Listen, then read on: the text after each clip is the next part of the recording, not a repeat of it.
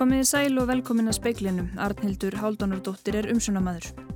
Yfirlagnir á smittsjúkdómadæld landsbyttalans spáir því að töyir þúsundagi eftir að smittast af kórnuverinu hér á landi á næstu mánuðum. Fyrirsjáanleikin er engin og fólk er orðið lang þreytt, þetta segir hjúgrunarfræðingur í sóttkví sem nú gengur kvöldvaktina á landsbyttalanum. Nær allir starfsmenn hjúgrunarheimilisins sundabúðar á vopnafyrir eru, kom, eru komnir í sóttkví eða einangrun og hefur heimilið óskað eftir aðstóð til að sinna íbúum. Rúmlega 30 snjóruðningstæki hafa vart undan við að riðja götur og göngustíg og akureyri, reyndur mokstusmaður segir að verkinu ljúk ekki fyrir ná næsta ári. Tollverðir í Rotterdam í Hollandi fundu nýverið tæp 2 tonn af kókaini í þremur sendingum, söluandverðið er talin nema hátt í 20 miljardum króna og sviðstjóri hjá Rauðakrossunum segir útlitt fyrir að á næsta ári verði þörfin fyrir mannúðaraðstöð meiri en nokkur sinni fyrr. Viðbúið er að kórnuveru smitt verði í kringum 700 á dag fram í marsmánuð. Már Kristjánsson, yfirlæknir smittsjúkdóma á landsbytala, segir að með því muni hlaðast upp 20.000 að smitta. 125 starfsmenn spítalans eru nú í einangrun. Það er hansi mikið og, og það sem er meira, sko, þetta er kannski meira fólk sem er í klínisku starfi þannig að þetta, þetta hekkur um daldið í sko ræðirnar. Því er spáða að toppnum í þessari bylgu verði náð á næstu dögum. Spáin gerir áfyrir því að við verðum með kannski að bylju 60-700 smitt á dag alveg framöndi mars og ef að það gengur eftir að þá mun sem sagt heildafjöldi smittara þegar að vera komið frá í mars vera kannski um 80.000 þá gætu við verið að sjá 40 manns innlíkjand á spítalunum þegar það komið bara framöndi 13. Og, og kannski 10 manns á gjörgjæslu. Núna líka 6 á gjörgjæslu með COVID. Spáin gerir ráð fyrir því að 12 til 1300 smitt verða á dag þegar toppnum verði náð fljótlega upp úr áramótum. Ég vænti þess nú að þessum toppu verði náð fljótlega en miða við hraða bólusetningar og kannski þessi nýja veira og hún það kannski verður fallið á kurvun ekki kannski eins hratt. Þetta var Már Kristjánsson, Kristín Sigurðardóttir talaði við hann. 14 starfsmenn á hjókrunarheimilinu Sundabúð á Vopnafyrði eru komnir í sóttkvíða einangrun og aðeins fjórir starfsmenn eru eftir til að sinna tíu íbúum sem sumir eru smitaðir og í einangrun. Í gær greindust fimm smitaðir bæði starfsfólk og íbúar. Emma Tryggvadóttir, framkvæmda stjóri hjókrunar á Sundabúð, óskar eftir að þeir sem treysta sér til að aðstóða við störf á heimilinu hafi samband.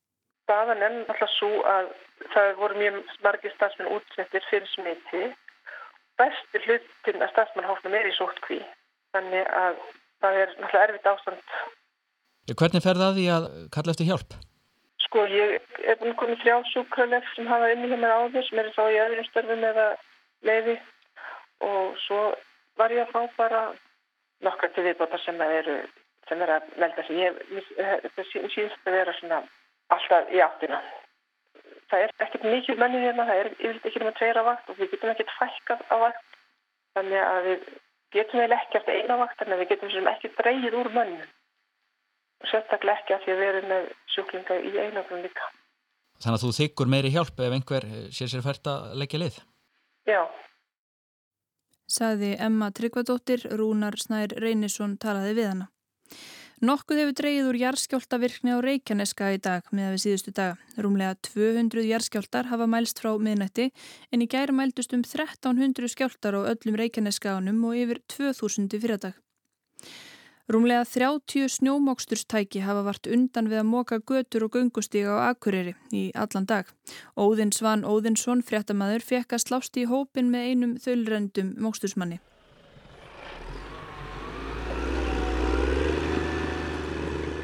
Guðni, þið byrjuðu snemmi morgun að móka ekki? Við byrjuðum fjögur. Fjögur nótt? Já. Og hvernig hefur þetta gengið? Við hefum svo sem séð meiri snjó sko en þetta er svona með meira sem hefur komið á einu sólari. Hvernig reknið þið með að ná utanum þetta? Það verður ekki fyrir nettir áramóti. En, en þú sér fram á langa daga? Já, ég hugsa það.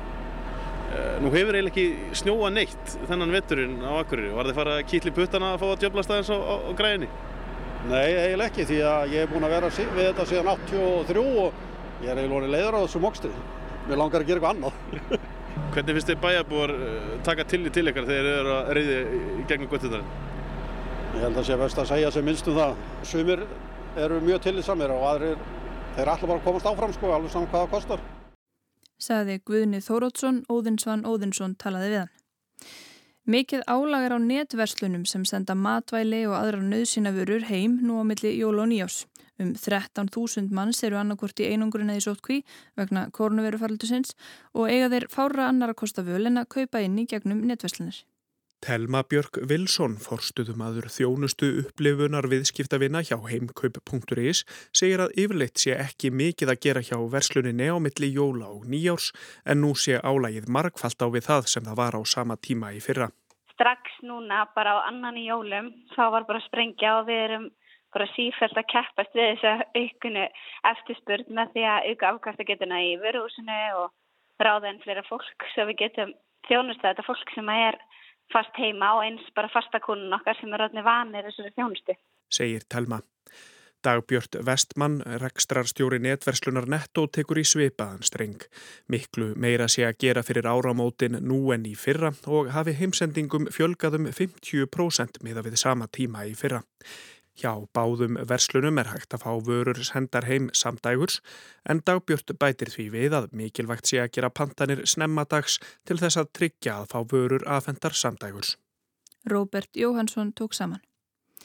Tollverðir í Rotterdam í Hollandi hafa undanförnulagt hald á 1,6 tonn af kókaini sem kom til landsins í vörugámum frá Suður Ameríku. Sölu andverði efnisins er talið nema hátt í 20 miljardum króna. Embætti ríkisaksóknari hagagreindi í dag frá málinu.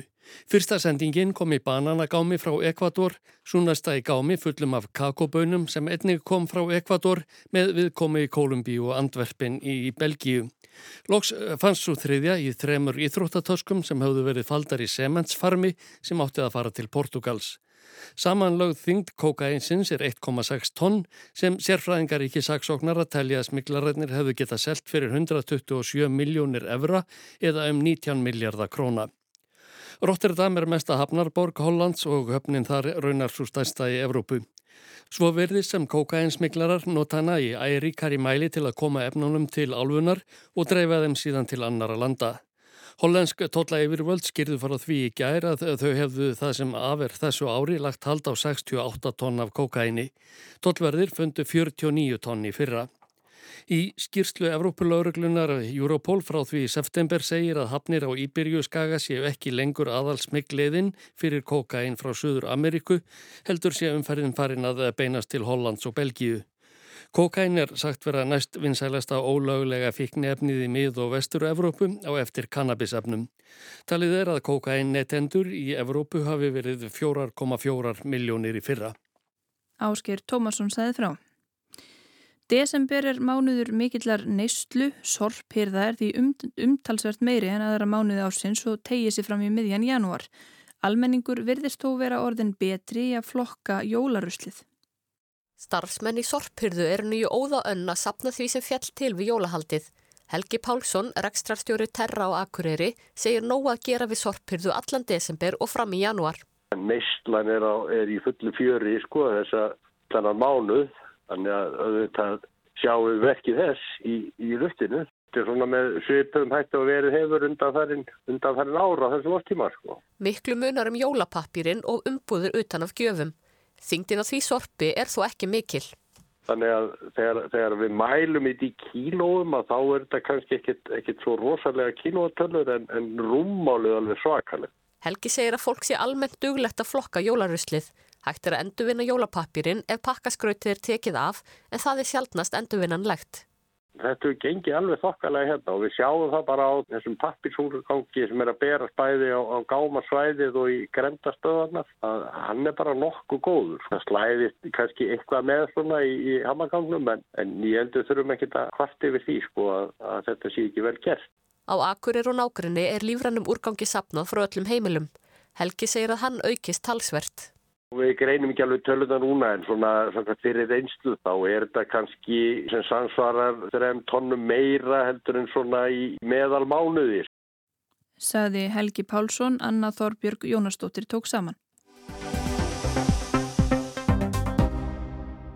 Fyrirsjáanleikin er engin og fólk er orðið langþreytt, þetta segir Anita Agestad, hjúkurnafræðingur og trúnaðarmadur hjá félagi íslenskra hjúkurnafræðinga.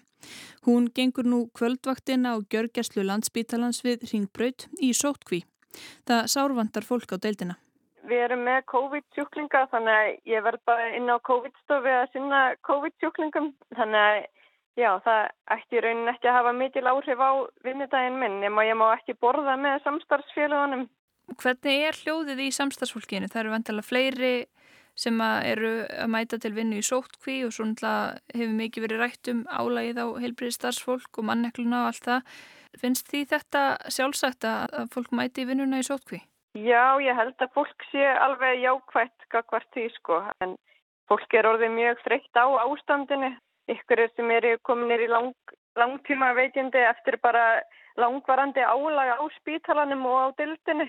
Það er eiginlega hver einasta vakt er mönnuð með yfirvinnu og oft er fólk að vinna tvöfaldavaktir bara einfallega út af því að það kemst ekki heima vaktinni út af því að það er ekki nógu margir sem að mæta á næstu vakt eða hefur bæst við sjúklinga á deltina. Tengist það það þessu COVID ástandi að margir er í sótkví eða einangrun eða bara manneklunni almennt? Já, bara almennt sko, bæði. Hvernig finnst þér landsbytalinn hafa tekist á við þetta ástand? Finnst þér hann hafa stjórn og er nægur fyrirsjáanleiki fyrir starfsfólki bara þegar við horfum til næstu daga?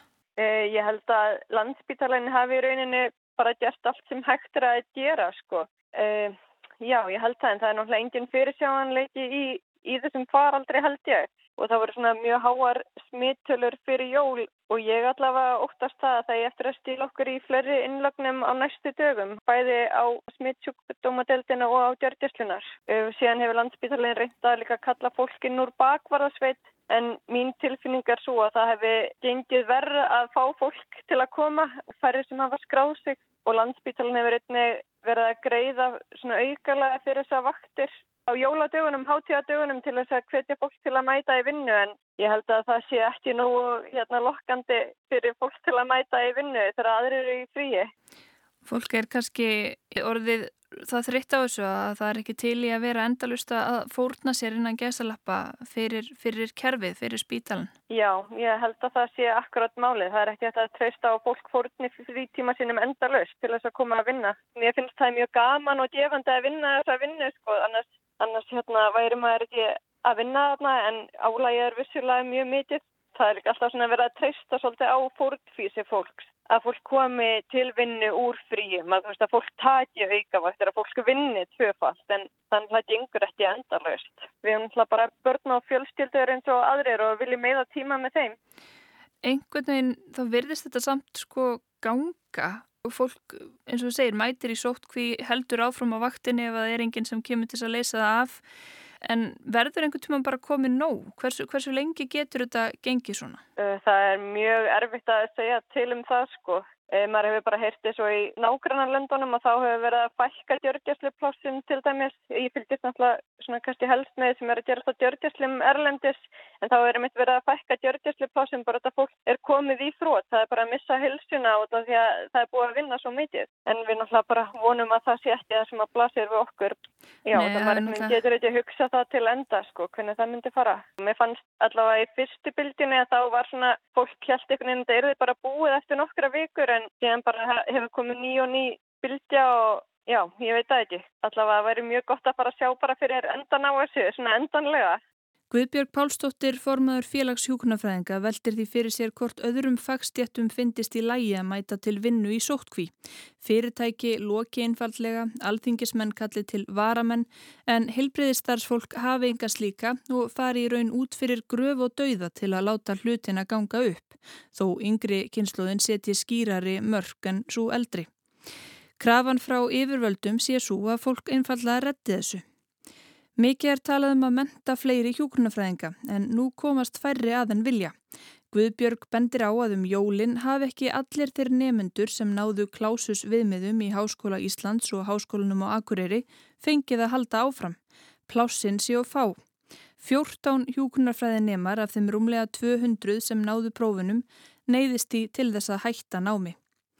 Guðbjörg segir að aldrei hafi fleiri hjúkunarfræðingar sótt í sjúkrasjóð félagsins vegna langvarandi veikinda og aldrei hafi fleiri leitað til virk. Hún býður nú eftir fundi með helbriðisáðara og vonar að stjórnvöld leggist yfir málið og finni lausnir. Sóknar færin séu mörg. Anita telur að stjórnvöld ætti að byrja á að semja við hjúgrunafræðinga. Í seinustu tvö stifti sem að samningar hafa verið lausir og þá hefur launarliðurinn farið í gerðadóm og þannig að fer ekki neitt rosalega vel í fólk að hérna, lögmáliðum frambóða eftirspurt verðist ekki gilda um þessa stjætt síðan náttúrulega ef, að, ef það koma fleiri inn að þá verður álægi fyrir þá sem er á gólfinu minna og svona en ég veit ekki, ég vildi að væri til eitthvað töfra löst en ég held að fyrst og fremst ætti að það var að reyna að ráða staði augljósa að semja almennilega við hjúknarfræðinga. Saði Anita Agestad. Neyðin í heiminum fer vaksandi á næsta ári að mati saminuðu þjóðana. Sviðstjóri hjá Rauðakrossinum segir útlitt fyrir að þörfin fyrir mannúðaraðstóð verði meiri en nokkur sinni fyrr.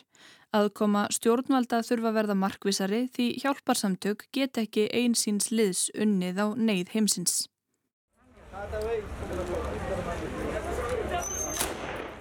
Talibanar tóku völdin í Afganistan. Stríðið í Sýrlandi var tíu ára. Á þriðja hundrað létust í flóðum í Þískalandi og Belgiu og kórnuveiru faraldurinn kostaði miljónir mannslífa og raskaði daglegu lífi fólk sem um allan heim. Þetta er brot af þeim hörmungum og hamförum sem riði yfir heiminu árunu. Af sumu hafa heimsmiðlarnir flutt fréttir, annað hefur leið í þögninni. Það eru þessi vandamál sem hafa lengi verið til staðar, átök, hungur og náttúruhamfarir, en róðurinn þingist því ofan á bætist loftslagsröskuninn og faraldurinn. Alli viðar Torstensen, sviðstjóri á hjálpar og mannúðarsviði Rauðakrossins, segir að verkefni mannúðarsamtaka sé að verða óyfirstíganlegri og útlitt fyrir að á næsta ári verði þörfin fyrir neyðaraðstöð meiri en nokkur sinni fyrr og fjármagna verulega skornum skamti. Jáfnveg þó takist að fjármagna það sem að beður um að þá er neyðin ennþá meir heldur en svo en útlitt fyrir að takist að fjármagna kannski 50% af því sem að skilur fjölda fólks auðvitað eftir í, í skjálfilegri stöðu. Nú er um 86 miljónir á flótta, fleiri en nokkur sinni. Bara í ár hafa um 7 miljónir bæst við. Allir segir að á sama tíma hafi Evrópuríki hert stefnu sína kakvart flóttafólki og gert því erfiðara fyrir að komast inn í álfuna. Hann segir að í ár hafi vopnuð átök verið ábyrnandi í Sýrlandi, Afganistan, Jemen og Söður Sútan. Lofslagsbreytingar gerir þessi átök verri. Allt þetta helst í hendur. Það vantar auðvitað bara heilstæðri nálgun stjórnvalda um allan heim á þetta. COVID, jú, mjög mikilvægt, en það eru líka stærri verkefni sem að verður að, að gefa nægilega gaum áður en að e, illa fer. Og það hefur náttúrulega mikið verið talað um hversu ójæmt aðgengja bóluöfni hefur verið. Kovax samstarfið það hefur svona valdið vissum bombriðum. Það stóð til að deila út tveimur miljörðum skamta fyrir áslokk en mér skilst að náist kannski helmingurinn af því og svo eru ríkar auðvitað að gefa örfunarskamta og og þetta markmið alþjóða heilbríðastofnurinnar um, um að 40% allra íbúa í öllum löndum verði full bólusett fyrir áslokk, það er alveg dauða dæmt. Verður þetta þetta stóru verkefninum á, á næsta ári? Getur Rauðikrossin eitthvað liðkað fyrir þessu? Rauðikrossin hefur talað fyrir því alveg frá því að hensfarandurinn hófst og það var útlétt fyrir að bólefni kemamarkað að það erði að tryggja fátækum þjóðum aðgengi að bólefnum og það átt að ríða það upp að í áspyrjun 2021 þegar að bólefni voru að koma markað þá var strax vara við því að halvu rauðokrossins og þetta fleiri mannáðsamtækka að ójæmt aðgengi að bólefnum væri mikill áhættu faktor. Antonio Guterres, framkvæmdastjóri saminuði þjóna, þreytist heldur ekki á að benda á þetta. Það þurfa að bólusetja alla, annars ljúki faraldrinum ekki. Það verður bara til ný afbreyði sem bóluefnin vinn ekki á. And so the only way for us all to be safe is to have a global vaccination campaign, north and south. Rauðikrossin hefur lagt sitt að mörgum innan ríkja, talað fyrir gagsemi bóluefna, bólusett og stutt helbriðiskerfin. Bara eins og við gerum á Íslandi, þar sem Rauðikrossin hefur ekki farsótarhúsin sem að hafa sem að tekja á móti fleiri COVID-smittum heldur en allt spítalikerfið. Þetta verður áfram eitt af stóru verkefni Rauðikrossins á árunnu 2022 og öruglega árinu 2023 líka hefa framferð sem horfir. Alli segir mikinn árangur hafa náðst í mannúðarstarfi en margt grafi líka undan honum. Undafarið hafi efnahagur fátakra landa laskast mjög vegna heimsfaraldursins. faraldurinn hafi neft upp undir 100 miljónir manna um allan heim í fátækt. Hann óttast að bylið á milli ríka vestursins og fátækari landa í suðri aukist. Hann telur ljóst að mannúðarsamtök get ekki einsins liðs tekið á neyð heimsins. Ríkistjórnir þurfi að tryggja aðgengi fátakari þjóða bóluefnum en þær þurfi líka að horfa heildrænt á stöðuna, taka með af auknu álægi vegna loslasbreytinga af mannavöldum og horfa til þess hvernig flóð, þurkar og uppskerubrestir af þeirra völdum geti ítt undir átök og hungur. Fólk vilja ekki þurfa að leggjast á flótta og því þurfi að ráðast að rót vandans.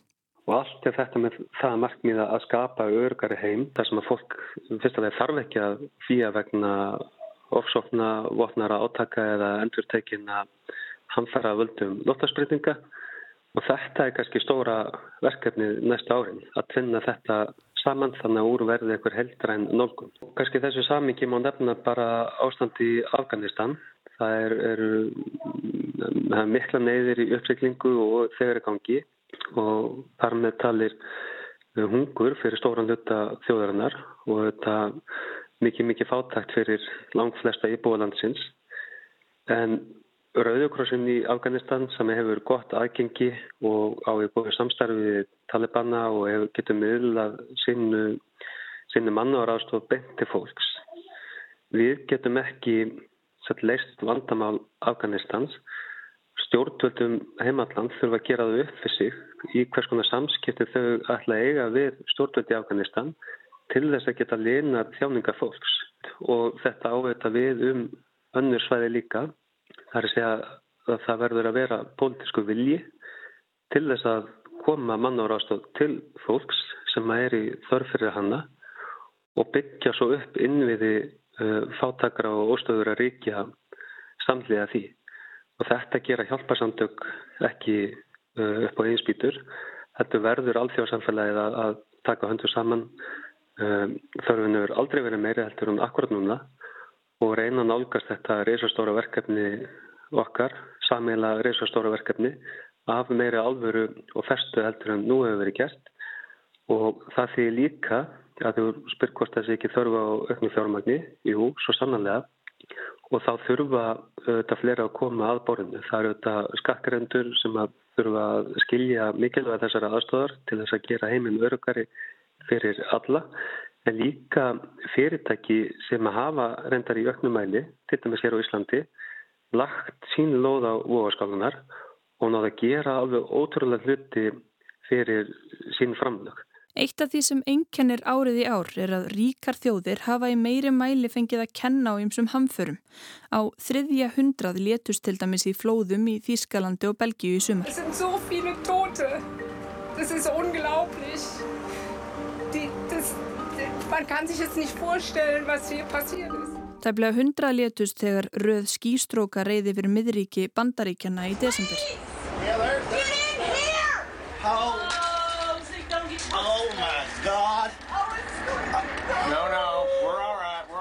Og svo hafa auðvitað hundru þúsunda dáður COVID-19. Hörmungarnar tilheyra ekki bara suðrinu og kannski eru mörkin millir ríkra og fátækra í auknum mæli að mást út. Allir segir erfitt að segja til um hvort þetta aukja og samkend jarðarbúa hver með öðrum eða verði til þess að hvert ríki hugi fyrst og fremst að eigin hagsmunum. En að í ljósi þessara tróunar hafi Rauðukrossin lagt áherslu á að ebla viðbræðsketu innan landa. Ísland þurfi til dæmis að geta brugðist við fleiri en einu stóru innanlands áfalli samtímis og kraftar fólks sem Rauðukrossin hefur þjálfað til að starfa til dæmis á hamfara spítulum Erlendis geti líka nýst hér. Og þetta er þróun sem er staði í Evrópu og mun ábyggilega koma hingað og þá á ég við að, að það sé horti mikilvæg þess að samtvinna uh, viðbrað við alþjóðlegu neyðum til að geta virkja það hér heima líka ef að til þess kemur. Saði Alli Viðar Torstensen. Kristnir söfniður á Indlandi sæta vaksandi ofsóknum af hálfu öfgafullra hindu að þar í landi. Um þverbak kerði um jólin í ár þegar hátíðahöld Kristina voru trubluð á ábeldisfullan hátt. Indland er fjölment og þéttbíl land. Þar búa næri 1400 miljónir manna, næst fjölmennasta land í jarðar og eftir Kína næri 18% jarðarbúa. Næri 80% indverja eru hinduatrúar, um 14% eru múslimar og rúmlega 2% eru kristnir. Það hefur löngum verið grund á því góða á milli hindúa og múslima á Innlandi og blóðug átök blossað upp á milli trúarhópana. Átökin eiga sér áratuga eða ár hundruða langa sögu og urðu til þess að Indland undir stjórn Breta skiptist í Indland og Pakistan, vestur af Indlandi, árið 1947.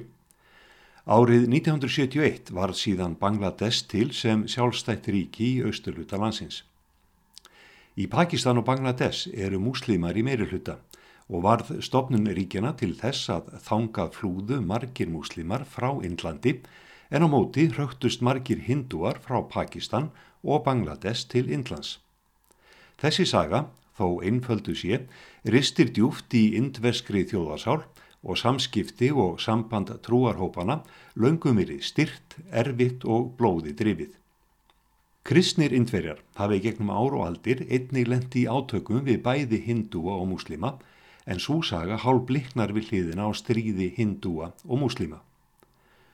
Þróun síðust ára hefur hins vega verið í þá átt að kristnir indverjar eru verulega farnir að óttast um sinn hag. Þó kristnir séu lítill minnilhutahópur indversku þjóðarinnar, rétt rúmlega 2%, þá verður allt stort á Indlandi þó það sé hlutvarslega smátt. Kristnir indverjar eru um 30 miljón manns Það er eins og hálf ítalska þjóðin eða allir íbúar Norðurlanda. Og þessi litli hópur innan gæsalappa heldur sín jól í lok hvers ás og fer til kirkju á sunnudugum. Kristnir starrækja líka skóla, trúbóð, hjálparstofnanir og spítala víðum land og njóta kjarnan stuðnings elendis frá. Árið 2014 komst Harlínuflokkur Hindúa Bharatiya Janata eða BJP til valda á Indlandi. Í kjölfarið hefur fyllt stigvaksandi óþól og beinlýnis ofsóknir gagvart öðrum trúarhópum en hindúum, sérstaklega múslimum og kristnum. Frá þessu er grind í tveimur fréttaskýringum í breskablaðinu Guardian. Glæpum gegn kristnum fjölgaðum 60 af hundraði frá árinu 2016 til 2019 sangkvæmt skýslu Persecution Relief stopnunarinnar. Fyrstu nýju mánuði ársins 2021 voru 300 árásir á kristna indverja tilkynntar. Núna um jólinn náðu svo ofsóknirnar nýjum hæðum, oft með fulltingi og stuðningi ráðamanna í ýmsum ríkjum og fylgjum sem íttu undir múksefjun og skrílsæðun. Ráðist var á presta og kirkjur, helgihald var turblað, Stittu af Jésu Kristi var stifta stalli, kveikt í biblíum og kristni skólar urðu fyrir aðkasti. Kristnir eru sagaður um að tæla börn og ungmenni til kristinar trúar með gjöfum og fagurmæli. Þetta hátterni kristina nái hámarki í kringum jólaháttíðina. Þar gegni jólasveina fíkuran heilagur Nikolás vissu hlutverki og því hefur verið ráðist á jólasveina líka. Nýjasta dæmið um að indvesku ríkistjórninni undir stjórn BJP-flokksins sé full alvara um að gera kristnum indverjum lífi leitt er samþygt stjórnarinnar á jóladag um að blokkera allar erlendar greiðslur eða framlög til hjálparsamtaka Móður Teresu á Indlandi. Sennilega eru engin hjálparsamtök í einsmiklum metum á Indlandi en þau hafa frá árinu 1950 starfað meðal þeirra allra fátækustu og lægst settum þær í landi.